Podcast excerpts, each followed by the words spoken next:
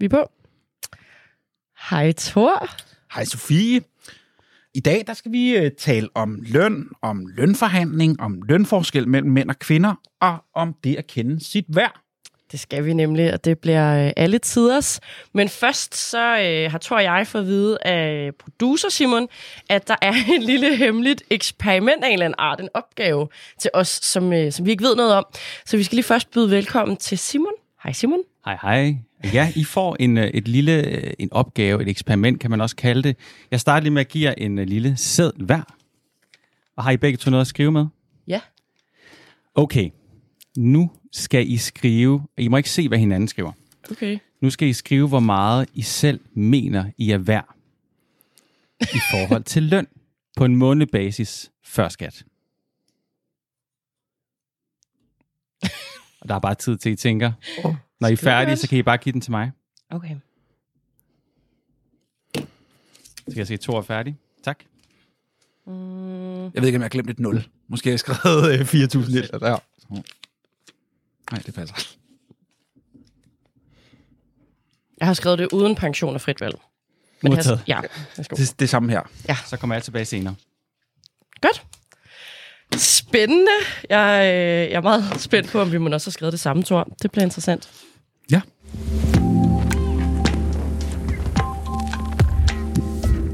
Vi har øh, besøg af dig, Gine Malta Kampmann, øh, og velkommen til. Tak.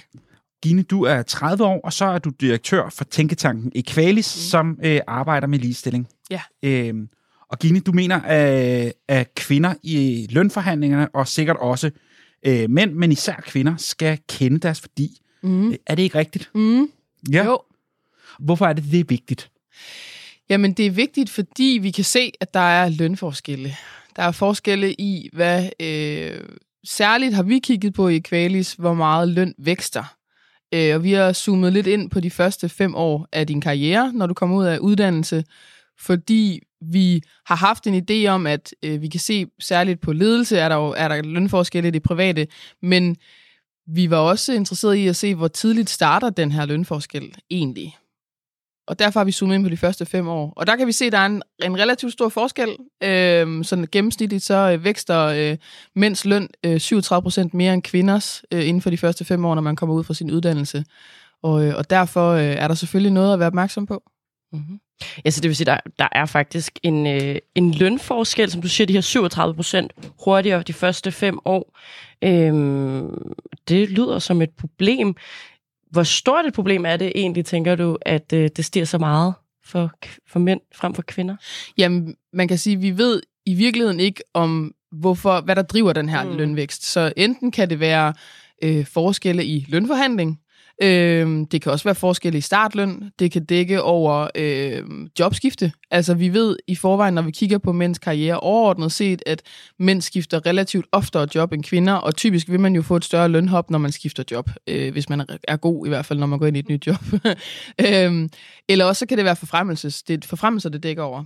Og, og det er en udfordring, fordi øh, vi samtidig også kan se, sammenholdt med andre analyser, at der er forskel i løn, øh, lige løn for lige arbejde.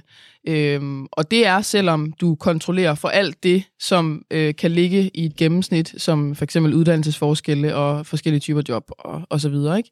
Så der er noget i øh, systematiske forskelle i den måde, vi, øh, vi får forhandler og øh, øh, løn på, alt efter vores køn. Og det er et problem, fordi øh, vi laver det samme arbejde. Der er også det her med sådan noget med at stå ved sig selv, mm. og øh, der har øh, vi jo fået at vide, at det her med, at øh, det at stå ved sig selv øh, også ofte kan være nøglen til ligesom at få mm. Mere i lønningsposen. Mm. Øh, men øh, sådan øh, er det ikke alt, det er ikke altid lige let at Nej. kunne stå ved sig selv og sætte værdi, og det har du også selv en historie om. Vil du ikke Ja. også fortælle lidt om den? Jo, altså det var egentlig så, øh, er jeg nok ikke den bedste til at give tips om lønforhandling. Jeg er faktisk rigtig dårlig til det. øhm, og øh, jeg er blevet bedre til det, klart. Men jeg er øh, også en type, som ikke er motiveret af løn. Altså jeg er ikke motiveret af penge. Jeg er, ikke, jeg er intrinsisk motiveret. Det vil sige, at jeg er virkelig drevet af den dagsorden, jeg skal arbejde med.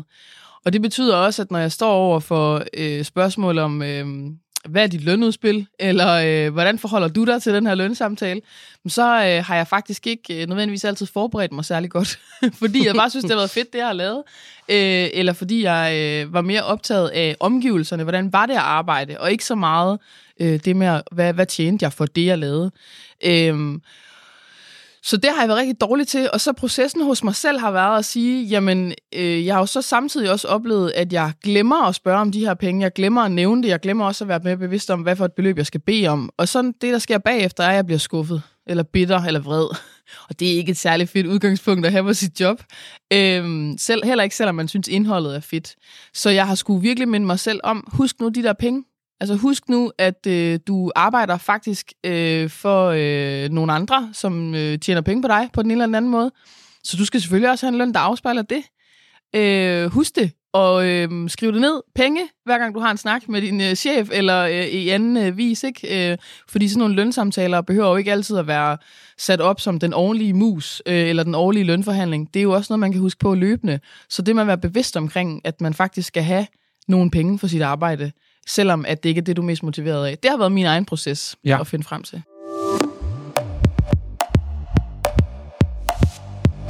Gini, jeg ved jo, at der øh, for et par år siden hang en post-it-seddel på ja. din computer, der måske ikke lige havde alt det her, øh, alle de her gode råd, du lige har sagt. Ja.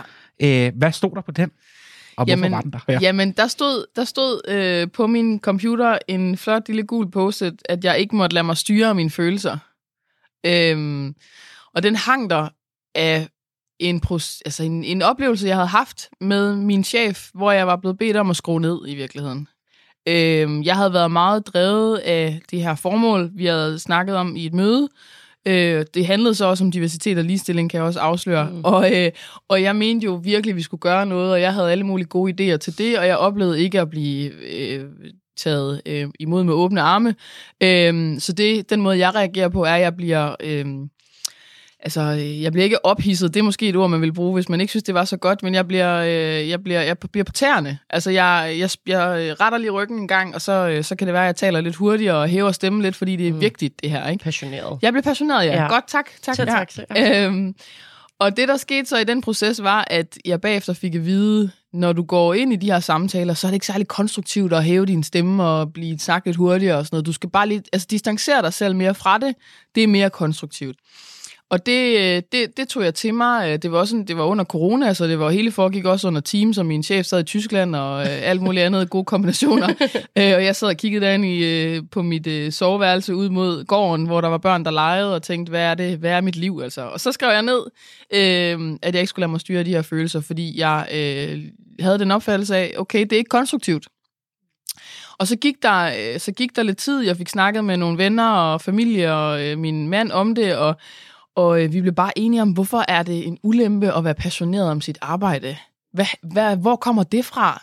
Og så jo mere jeg reflekterede over det, så tænkte jeg også på, at jeg sad jo tæt på sådan nogle topledelses øh, teams og, øh, og var med i de der seancer, og jeg kunne jo se, at øh, det var jo sådan, at det ikke altid blev talt som noget dårligt, når nogen var passioneret.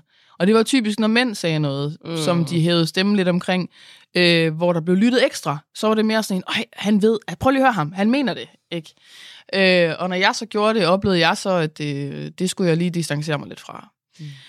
Så, så den, det, det var en øjenåbner for mig, øh, og den der post-it blev også godt og grundigt krøllet sammen mm. igen og smidt langt væk, øh, helt ud i gårdens øh, yderste skraldespand. Ja. Og så øh, skulle jeg ikke kigge på den igen, fordi det var vigtigt, og det var det, der øh, var kendetegnende for mig, at man kunne mærke mig. Mm. Øh, og det var det både i min, altså min indholdsarbejde, øh, altså når jeg præsenterede noget, og vi drev noget, og vi fandt en løsning, en problemløsning, men det var det også som leder. Altså, jeg havde jo et lille team også på det tidspunkt, og jeg kunne jo også mærke, at de kunne relatere sig til mig, fordi jeg også viste dem, hvem jeg var. Ja. Så det ja. var ligesom den proces, der jeg var igennem. Så den hænger der ikke mere? Den hænger der ikke mere. Mm. Du er jo også øh, lidt inde på det, Gine, det der med, at når mænd de engagerer sig mm. følelsesmæssigt i noget, så tænker man, hm, hold kæft ham der, han brænder bare igennem, det er pisse fedt. Men øh, når kvinder gør det, så er der måske lidt en tendens til, at man tænker, ej, hende der, hun er... Nu igen. Hun er, ja, nu igen. Hun er altså hysterisk. Øh, hun er for følelsesladet. Hun er for meget, måske. Mm. Øh, og, og det har du også oplevet, lyder det lidt som. Ja. Ja. Jamen, det har jeg klart. Og jeg tror også, en ting, det der med oplevelsen af, hvis man hæver stemmen eller taler lidt hurtigt. Noget andet er også øh, oplevelsen af troværdighed i det, der bliver sagt. Ikke? At der findes jo også i forskning sådan et autoritetsgabsbegreb, øh, begreb, som, hvor øh, the authority gap, som handler om i virkeligheden, at, at man, når mænd åbner munden, så tror vi på dem. Mm. Fordi vi har bare en automatreaktion, der, der siger, prøv lige at høre ham, han ved det, hvad han snakker om. Når Ja. kvinder åbner munden, så er det mere, hvad er hun egentlig sikker på det? Hvordan kan jeg vide, at det er rigtigt, det hun siger? Det er vores default øh, reaktion. Mm. Og, øh, og det, det, øh, det kan man se på mange forskellige måder, altså både i sådan nogle mødesituationer, øh, når det handler om salg for eksempel, øh, og, øh, og man kan i virkeligheden også godt øh, se lidt af det, når det kommer til lønforhandlinger, ikke? Øh, hvor der også er forskel på, hvordan vi bedømmer øh, mænd og kvinder systematisk øh, anderledes. Mm. Ja, og hvis vi måske så lidt også i forbindelse med det, så det der med, at det er fordi, som mænd er bedre til at ligesom, stå ved sig selv og ligesom, hæve stemmen og være ok med at gøre det, og ikke være bange for, at folk tænker skævt om det, altså som gør, at det gavner dem i de der situationer, eller? Jamen, det er jo godt, det er jo et godt spørgsmål. Altså, øh, og jeg tror også, det i virkeligheden, så ved vi ikke nok om det øh, perspektiv, fordi at man kan, hvis det er det, man altid har været vant til at blive modtaget på den måde, så har man jo heller ikke reflekteret over det. Altså, så, så det må jo betyde så, at man kan være sig selv, ikke? Og så alligevel, så har mænd jo også nogle andre normer, som de øh, kan opleve måske lidt som en spændetrøje for dem, at de skal være det her, der bliver forventet af dem, om at særligt som leder, ikke? At man skal være hård og træffe de svære Mm. beslutninger. Og det er, hvis du hæver stemmen, de tror mere på dig. Og du skal faktisk også, der er jo også forskning, der viser det her med, at vi tror mere på det, der bliver sagt, hvis det er en dyb stemme, der ja. siger det. Øhm, og hvordan kvinder jo også, øh, har jeg, har jeg øh, hørt øh, sige, at de har jo taget en øh, decideret stemmetræning ja. for at kunne komme til at lyde mere øh, troværdig, ikke? Jo, jeg tror, det er Helle Thorne, Ja, der ja. Øh, har gået til stemmetræning for at få en dybere stemme. Ja. ja. Og det er jo også, altså der kan man jo sige, hvis du så allerede der, ikke, bare dit, din fysiske øh, tilstedeværelse, hvordan du er i verden på, bare det du er der, øh, Mhm. mm. bliver vurderet anderledes, øh, så skal du jo, øh, så er der jo nogen, der skal tage mere øh, stilling til det end andre. Og der kan man jo forestille sig så, at, at mænd i, i hvert fald i udgangspunktet ikke tager lige så meget stilling til det, men det gør de jo så alligevel, fordi der jo så også er nogle ting, der bliver forventet af dem. Og det er jo klart, at kvinder er forskellige, mænd er forskellige, og alle mænd passer ikke ind i den norm, som der bliver forventet af dem, ligesom kvinder ikke gør, ikke?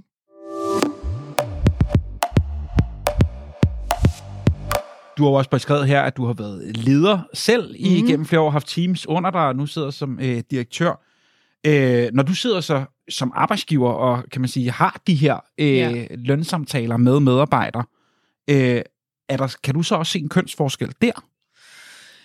En lille smule, tror jeg. Og det handler meget om det her med, taler vi ind i potentialer, eller taler vi ind i præstationer, eller taler vi ind i begge dele? Hvor jeg, jeg i hvert fald har en oplevelse af, at, der, at, at mænd kan også spille på deres potentiale mere, end kvinder kan. Ikke? Og der er jo også noget omkring sådan ydmygheden i at gå ind i og sige, jeg er godt bevidst omkring, at du skal fordele en pose penge, for eksempel.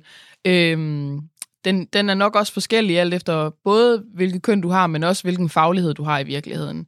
Øhm, så, så der er helt klart noget at kigge på, der er det i hvert fald som arbejdsgiver jo og chef, som skal uddele nogle øh, forfremmelser og nogle, og nogle øh, lønstigninger, virkelig vigtigt at være bevidst omkring det der med det objektive i præstationer. Altså, hvordan kan du Hvordan er det, du har en checkliste for, hvad for nogle kompetencer, der skal til for at få en lønforhandling, eller for at leve op til nuværende job, eller for at overstige det endnu mere, og så kunne blive forfremmet? Og hvordan går du objektivt til de der kriterier?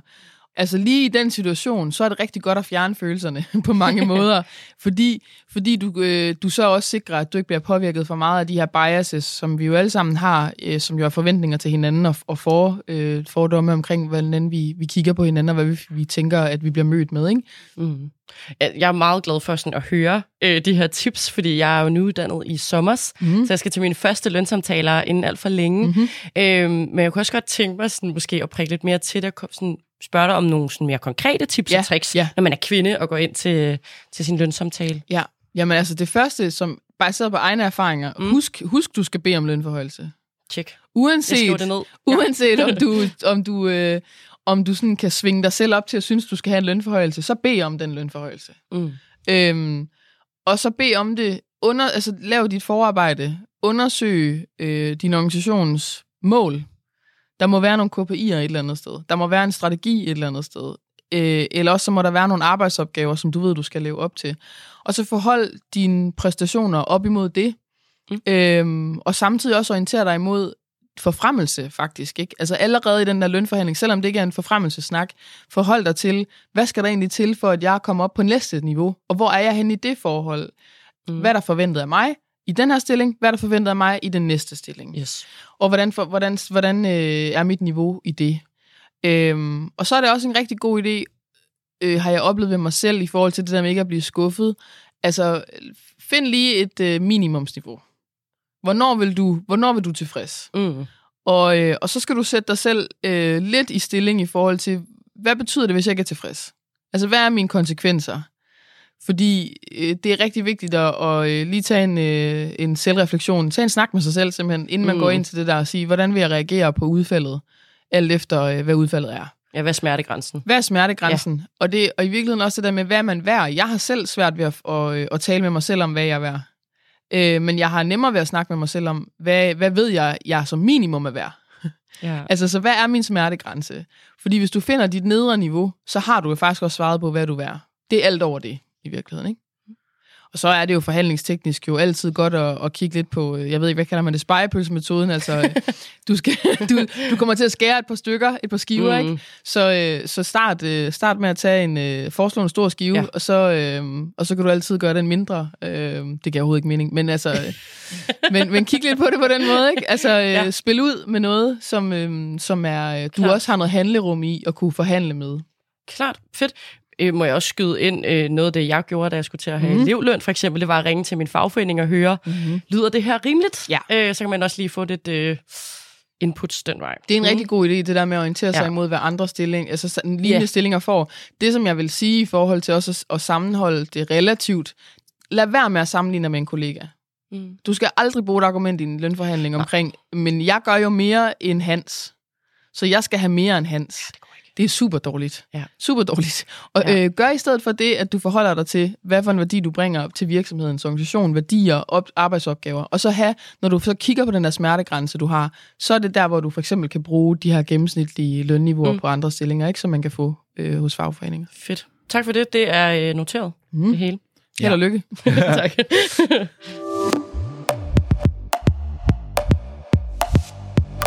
Alle de her gode tips, øh, så tænker man, yes, det skal bare køre. Men hvad fanden gør jeg, hvis de siger nej, Gine? Jamen, det er der jo faktisk en reel risiko for, at de gør. Ja, ja. Du det? Jeg har faktisk selv oplevet det. Øhm, og jeg kan jo fortælle, hvad jeg gjorde i den Ja, situation. gerne. Så, så det, der skete for mig, var, at jeg var lige blevet forfremmet. Øh, og, jeg, og, og den forfremmelse lå sådan tre måneder, inden der var den her regulær øh, lønforhandling eller lønstigning. Ikke? Der er jo mm. tit sådan nogle organisationer, de har sådan et eller andet tidspunkt i året, hvor du bliver, hvor du bliver reguleret. Og den regulering, den handler så om, hvad, hvor stor er den her pose penge, og typisk vil det handle om, hvor stort et overskud har den her virksomhed. Øhm, og så er der alle mulige andre ting, så bliver det dryppet ned og bla bla bla. Men der er i hvert fald en pose penge, der skal, for, der skal fordeles. Og jeg var lige blevet forfremmet, og med en forfremmelse følger der jo heldigvis en lønforhøjelse. Øh, og jeg fik så at vide, at mit argument i den her øh, lønregulering var, at du er lige blevet forfremmet, du har lige fået en lønforhøjelse, derfor Mm. får du ikke noget igen. Og så sagde jeg bare, øh, men det har jo ikke noget at gøre med, hvordan jeg præsterer. Mm. Så, så øh, fordi jeg har blevet fået en forfremmelse, det var jo øvrigt også en forfremmelse, der kom lidt sent, synes jeg. øhm, så, så det kunne jeg også bruge øh, i forhold til præstationer. Hvad har jeg rent faktisk lavet? Øhm, og, og mente jo bare, at, at øh, det her nej, det var ikke berettiget i forhold til, at mine præstationer var til at få en regulering, selvom jeg lige var blevet forfremmet. Så det sagde jeg, og det holdt jeg fast på. Og så, og så tabte jeg bare ikke ansigt i den der samtale. Jeg holdt bare fast på, at det var jeg utilfreds med. Øhm, jeg kom ikke med nogen trusler omkring, nu skifter jeg edder med med arbejde, eller øh, nu jeg er her ikke i morgen. Altså, jeg sagde, ja, sagt med andre ord. Jeg sagde simpelthen bare, at det synes jeg ikke var okay, Mm. mm. og øhm, det, det kunne jeg ikke forstå. Mm. Og det, der skete for mig, var, at min chef en uge efter øh, ringede til mig og sagde, jeg har fundet en pose penge til dig. Sådan. Øh, jeg kan ikke give dig en fast lønforholdelse eller lønregulering, men jeg kan give dig øh, sådan et, et enkeltstående øh, bidrag. Ja. Og øh, så sagde han jo et også, det må du ikke sige til nogen, jeg har givet dig, fordi det, det skaber præcedens, så jeg har aldrig gjort det før. Så sagde jeg det til de andre. Godt gået. Fordi det er den anden del af det, yes. som handler om det der med løntransparens. Det er ikke et tabu at snakke om sin løn. Det skal det ikke være. Det Mhm. føles sådan. Og det føles særligt for, sådan for sådan nogen som mig, som ikke synes, det er vigtigt. Mm-hmm. Øhm, og, og særligt, når man så hører andre måske tale om det. Dem, der typisk gerne vil tale om det, er min oplevelse, det er også, fordi de synes, det er vigtigt, og de er stolte af deres løn. Ja. Så vil de gerne tale om det, ikke? Mhm. Øh, og det kan være lidt skræmmende, hvis ikke man synes, det er vigtigt, og hvis man i øvrigt også er lidt usikker på, sådan, er det egentlig okay, jeg får den her løn? Men Ja. man skal bare tale om det. Og det må man godt. Det må altså, man nemlig. Og, og der er faktisk ikke nogen chefer, der kan komme og sige, hov, hov, det må du ikke have en mundkurv. Præcis. Sådan fungerer det ikke i Danmark, Præcis. faktisk. Så det er også tip hermed givet, at man må godt Ja, snakke om løn med sine kollegaer, det. og det er en god idé. Ja. ja. Godt, men hvis man så også sidder som øh, mandlig kollega, og måske også godt kan se den her udfordring, som jo bliver beskrevet ret nøgtern egentlig, øh, at der er det her store lønforskel. Hvad er der så af muligheder øh, for, at man ligesom kan bakke sine kvindelige kollegaer op som øh, en mand? Ja, og det er jo et ret svært spørgsmål, det der med, øh, altså, hvad man populært til kan kalde sådan noget allyship. Altså, øh, hvordan tager man ansvar for, øh, for andre end sig selv i den her proces? Og i virkeligheden, så vil jeg sige, øh, bak op omkring og snakke om det. Altså, øh, hvis ikke du har oplevet, at nogen, der spørger dig om, hvad din løn er, så spørg de andre. Altså, spørg dine kollegaer, hvad tjener du? Ja. Og fortæl om egne oplevelser i den proces, og fortæl også om, hvad for nogle spørgsmål du har spurgt om i min lønforhandling. Hvordan har jeg selv forberedt mig? Øh, og vidensdel i virkeligheden på den måde. Øh, det er det bedste, du kan gøre. Og fordi du skal heller ikke gå ind og, og gøre noget, der, har skadet, der kan skade egen øh, karriere eller egen lønforhandling. Altså, øh, det er heller ikke et tip herfra. det handler sgu om at, øh, at hæve baren og ikke øh, sænke den for andre. Ikke? Øhm, så, så det vil være mit bedste råd. Simpelthen tale åbent om det og opfordre til at tale om det. Også hvis du har nogle gode tips, del ud af dem. Helt sikkert. Ja, og nu skal vi jo så, så småt øh, til at runde af, selvom det er jo en masse gode bud, øh, eller gode øh, tips, du kommer med her. Øh, men Gine, øh, jeg vil også godt høre dig, at øh, hvis du skulle skrive en ny post-it-seddel, der skulle hænge på din computer øh, øh, i dag, øh, hvad skulle der så stå? Hold kæft, du er sej, mand. Ja, helt Ej, sikkert. Der skulle helt klart just bare stå, altså, øh, be you, for fanden. Go girl. Ja. Stå nu ved, hvad du synes, der er vigtigt. Øh, fordi det er det, du kommer længst med, og det er i virkeligheden også det, der gør dig allermest glad. Øh, og det kommer din arbejdsgiver til gode, det kommer også din familie, dine venner øh, og dit liv til gode. Altså så, øh, be you. Fedt, den laver jeg også, når vi kommer tilbage Ja. til kontoret. yes, lad os sige, det blev det sidste ord. Øh, Gine Malta Kampmann, tusind tak, fordi du ville komme og snakke med os. Det var en Velkommen. øh, kæmpe fornøjelse. I lige måde.